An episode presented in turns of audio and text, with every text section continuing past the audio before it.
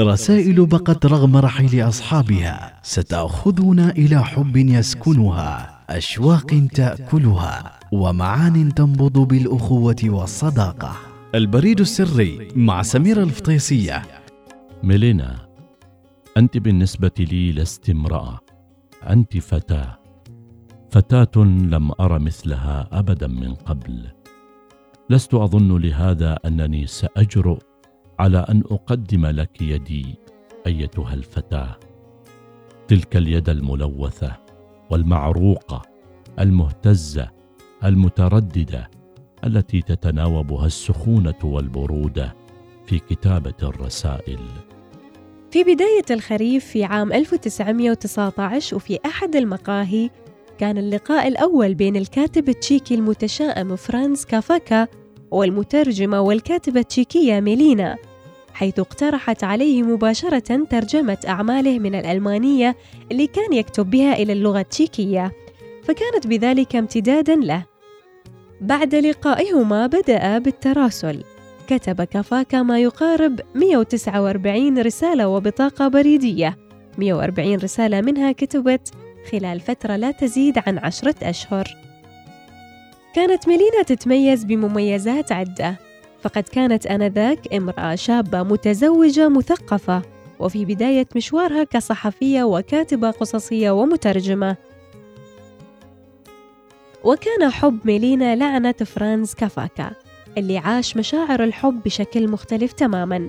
لم تكن ميلينا بجانبه ولم يقبلها ولم تجلس إلى جانبه ولم تحضر له أطباق الأكل اللي يحبها. كانت ميلينا متزوجة وبعيدة عن كافاكا. ومن إحدى الرسائل التي كتبها كافاكا إلى ميلينا عام 1920 دائما تريدين معرفة إن كنت أحبك ميلينا ولكنه سؤال صعب الجواب. لا يمكن الإجابة عنه في رسالة ليس حتى في رسالة الأحد الماضي. أضمن أنني سأقول لك الجواب حين نتقابل المرة المقبلة إن لم تخني عباراتي. لكن لا يجب أن تراسليني عن قدومي إلى فيينا فلن أتمكن من ذلك. فكلما ذكرت ذلك اشعر كانك تشعلين نارا في جلدي والتي هي أصلا محرقة ودائما تحرق وتحرق لكنها لا تحرق.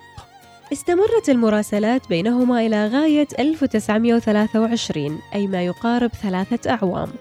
كان فيها أفق تطوير العلاقة مستحيلا فهو معتل الصحة وهي مرتبطة بزواج وعندما بدأت حالة كفك الصحية في التدهور عاد عام 1924 إلى براغ بعد استقراره لسنوات في برلين مفضلا البقاء إلى جانب أخته اللي اعتنت به ليقضي آخر أيامه في مصحة.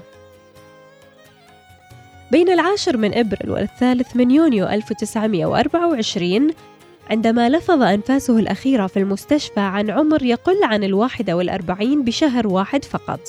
تاركا قصاصة كتبها لصديقه برود يرجوه فيه رجاء أخيرا بأن يحرق مخطوطاته غير المنشورة ومنها روايته الثلاث غير المكتملة. لكن ماكس برود ولحسن الحظ لم ينفذ وصية صديقه. نشرت رسائل كافكا إلى ميلينا باللغة الألمانية عام 1952 وكانت بالفعل فرصة ذهبية لإعادة قراءة أعمال كافكا من جديد ومحاولة لفهم فلسفته بطريقة أخرى. وقد حررها ويلي هاس اللي قرر حذف بعض الفقرات لأسباب مختلفة. البريد السري مع سميرة الفطيسية يأتيكم في الأوقات التالية. التاسعة وخمس وأربعين دقيقة صباحا. الثانية عشر وعشرين دقيقة ظهرا. الخامسة وخمس وعشرين دقيقة عصرا. الواحدة وخمس دقائق صباحا.